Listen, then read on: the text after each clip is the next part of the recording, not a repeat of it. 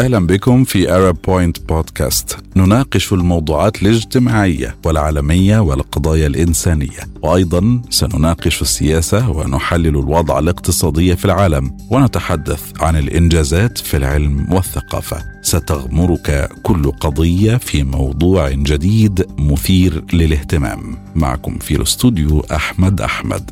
وفي هذه الحلقة. النيوترينوز والمراقبات الفلكية ورؤى جديدة لبنية الكون. معنا كذلك جورج سايمون أوم عالم الفيزياء والرياضيات الذي له باسمه قانون شهير في الكهرباء ووحدة قياس أساسية.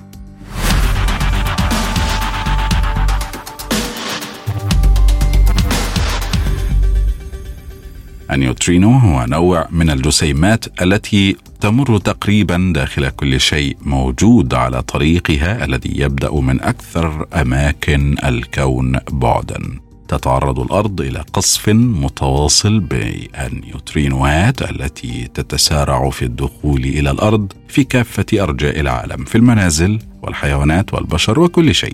ونادرا ما تتفاعل هذه الجسيمات مع المادة. النيوترينوهات هي واحدة من بين أكثر الجسيمات وفرة في الكون فأعدادها تفوق أعداد الذرات الموجودة في كامل الكون ولا نعرف الا القليل عن هذه الجسيمات في الوقت الحالي. والنيوترينوهات نوع من الجسيمات التي نشأت أثناء الانفجار العظيم. وتنتج أيضا في الأجزاء الداخلية من الشمس وفي أحداث عنيفة مثل سوبر نوفا أو النجوم المنفجرة. وتعرف هذه النيوترينوز بالجسيمات الشبحية لأنها لا تتفاعل مع المادة وإنما تستطيع اختراق كل شيء يعترض مسارها دون أن تتأثر. وهي جسيمات أيضا ذات طاقة عالية جدا لأنها لم تتفاعل مع شيء أثناء رحلتها الطويلة وباستطاعتها حمل معلومات متعلقة بالأجزاء البعيدة جدا من الكون. هناك أشعة النيوترينو الكونية النادرة وأيضا النيوترينوهات الناشئة في الغلاف الجوي للأرض. النيوترينوز جسيمات خفيفة تماما وعلى مدار أزمنة طويلة ساد اعتقاد بأنها عديمة الكتلة. أما الآن يعتقد العلماء بوجود ثلاثة أنواع منها وهي نيوترينوهات الإلكترونات ونيوترينوهات المايونات ونيوترينوهات التاو. ولدى كل منها كتلة محددة وصغيرة بشكل لا يصدق أقل من جزء من المليون من كتلة الإلكترون. يقول العلماء إن معظم النيوترينوهات الناشئة في الغلاف الجوي فوق القطب الشمالي مثلا هي نيوترينوهات الميون وعلى طول طريقها داخل الأرض والذي يبلغ طوله 13 ألف كيلومتر تعاني تلك الجسيمات من اهتزازات كمومية تستطيع تغييرها من نوع إلى آخر. وفي هذه الحالة إلى نيوترينوهات التاو. ومع دراسات كثيرة منها لنيوترينوهات الغلاف الجوي في الكاشف المعروف باسم IceCube على مدار سنوات أكد العلماء حقيقة أن النيوترينوز تعاني من اهتزازات حتى عند مستويات الطاقة العالية وحسب العلماء بالفعل عدد تلك الاهتزازات. في مثل هذه الدراسة قام الباحثون فقط بقياس نيوترينوهات الميون. ومن بين كل النيوترينوهات المتشكلة في الغلاف الجوي والتي عبرت الأرض يمكن اكتشاف جزء منها فقط في القطب الجنوبي. ينتج ذلك الأمر عن أن نيوترينوهات الميون تعاني من اهتزازات كمومية تغير من نوعها إلى نيوترينوهات التاو وليس باستطاعتنا رؤية الأخيرة. أما إذا لم تتغير سنراها كلها. كما بينت الحسابات أن 20% من النيوترينوهات يعاني من اهتزازات كمومية فعلية وتتحول من نوع إلى آخر أثناء عبورها للأرض. ويقول العلماء إنه لأننا نريد تعلم كل شيء حول هذه الجسيمات الغريبة والموجودة في كافة أرجاء الكون وأيضا عن خواصها التي لا نفهمها بشكل كامل ولأنها جاءت من الكون. اذا نستطيع استخدامها في مجال المراقبات الفلكية والحصول على رؤى جديدة تتعلق ببنية الكون.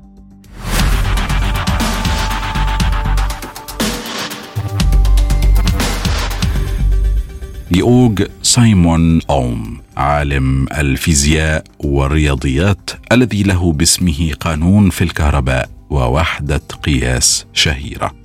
جيورج أو جورج سايمون. جورج أوم المولود في السادس والعشرين من مارس أذار من عام 1787 والمتوفى في عام 1854 هو عالم فيزياء ألماني. تخصص في العلوم عامة وفي الفيزياء بشكل خاص. ولد جورج أوم في إرلينغن في ولاية بافاريا جنوب ألمانيا. وهو ابن ليوهان فولفغانغ أوم الذي كان يعمل بصناعة الأقفال الحديدية. والدته ماريا إليزابيث ابنة أحد الخياطين في إرلينغن ومن عائلة بروتستانتية. أبواه لم يكونا متعلمين جامعيا ولكن الأب تعلم وحده وكان شخصية موقرة كما توصف وساعد ابنيه خلال مراحل دراستهما. توفي بعض من إخوته خلال مرحلة الطفولة ولم يبق له من الإخوة إلا اثنان. مارتن الذي أصبح لاحقا عالم رياضيات وأخته إليزابيث باربرا. توفيت والدته عندما كان في العاشرة من عمره. تلقى جورج وأخوه مارتن التعليم منذ الطفولة على يد الوالد الذي وصل بهما إلى مستوى عال من المعرفة في الرياضيات والفيزياء والكيمياء والفلسفة. استمر في المرحلة الثانوية من عمر الحادية عشرة حتى الخامسة عشرة في ثانوية إرلينغن وحصل على قدر قليل من التدريب العلمي الذي كان متناقضا بشكل كبير مع العلم الذي تلقاه برفقة أخيه على يد والده. جعل هذا الاختلاف حياة هذه العائلة مشابها لحياة عائلة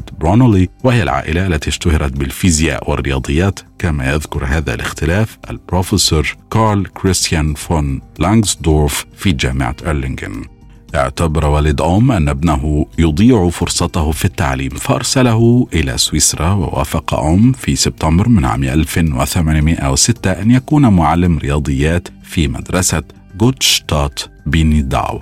نصح لانغسدورف أوم أن يكمل دراساته الرياضية واقترح عليه أن يقرأ أعمال ليونهارد أويلر وسيلفستر فرانسوا لاكروا جعلته دراساته جاهزا للدكتوراه التي حصل عليها في 1811 وانضم بشكل فوري للكلية ليصبح محاضرا في الرياضيات وغادرها بعد ثلاثة فصول بسبب الآفاق الضيقة كما لم يصمد بسبب راتبه القليل. بدأ جورج بوضع كتاب مبادئ في الهندسة الرياضية. عرض عليه منصب في المدرسة اليسوعية الثانوية في كولون في عام 1817 امتلكت المدرسة سمعة طيبة في تعليم العلوم وكان مطلوبا من أوم أن يدرس الفيزياء بالإضافة إلى الرياضيات ويدرسها أيضا. كان مختبر الفيزياء مجهزا بشكل جيد. سمح لأم أن يبدأ تجاربه في الفيزياء وامتلك خلفية تجريبية بالفعل في الآلات الميكانيكية. نشر أم ورقة بحثية عام 1825 تناول فيها مسألة انخفاض القوة الكهرومغناطيسية الناتجة بواسطة سلك كلما زاد طوله. كانت الورقة الثانية اقتراح أم قوانين تشرح نتائج عمل الآخرين اعتمادا على الكهرباء الجلفانية وعلى الرغم من أن عمل عم كان قويا ومؤثرا إلا أنه استقبل بدون حماس تقريبا وتضرر جراء ذلك. لكن في عام 1833 حصل على وظيفة بروفيسور في جامعة نورنبرغ. بعدها بفترة نشر كتابا بعنوان الفيزياء الجزيئية. أجرى أم في القرن التاسع عشر الميلادي تجربة لقياس أثر تغير الجهد الكهربائي في التيار المار في دائرة كهربائية فوجد علاقة بسيطة بين الجهد والمقاومة والتيار في الدائرة الكهربائية وتعرف حاليا هذه العلاقة بقانون أم. من مؤلفاته النظرية الرياضية للتيارات الكهربائية وعناصر الهندسة التحليلية. من أهم أعماله اكتشاف قانون في الكهرباء عرف باسمه وهو الرابط بين فرق الجهد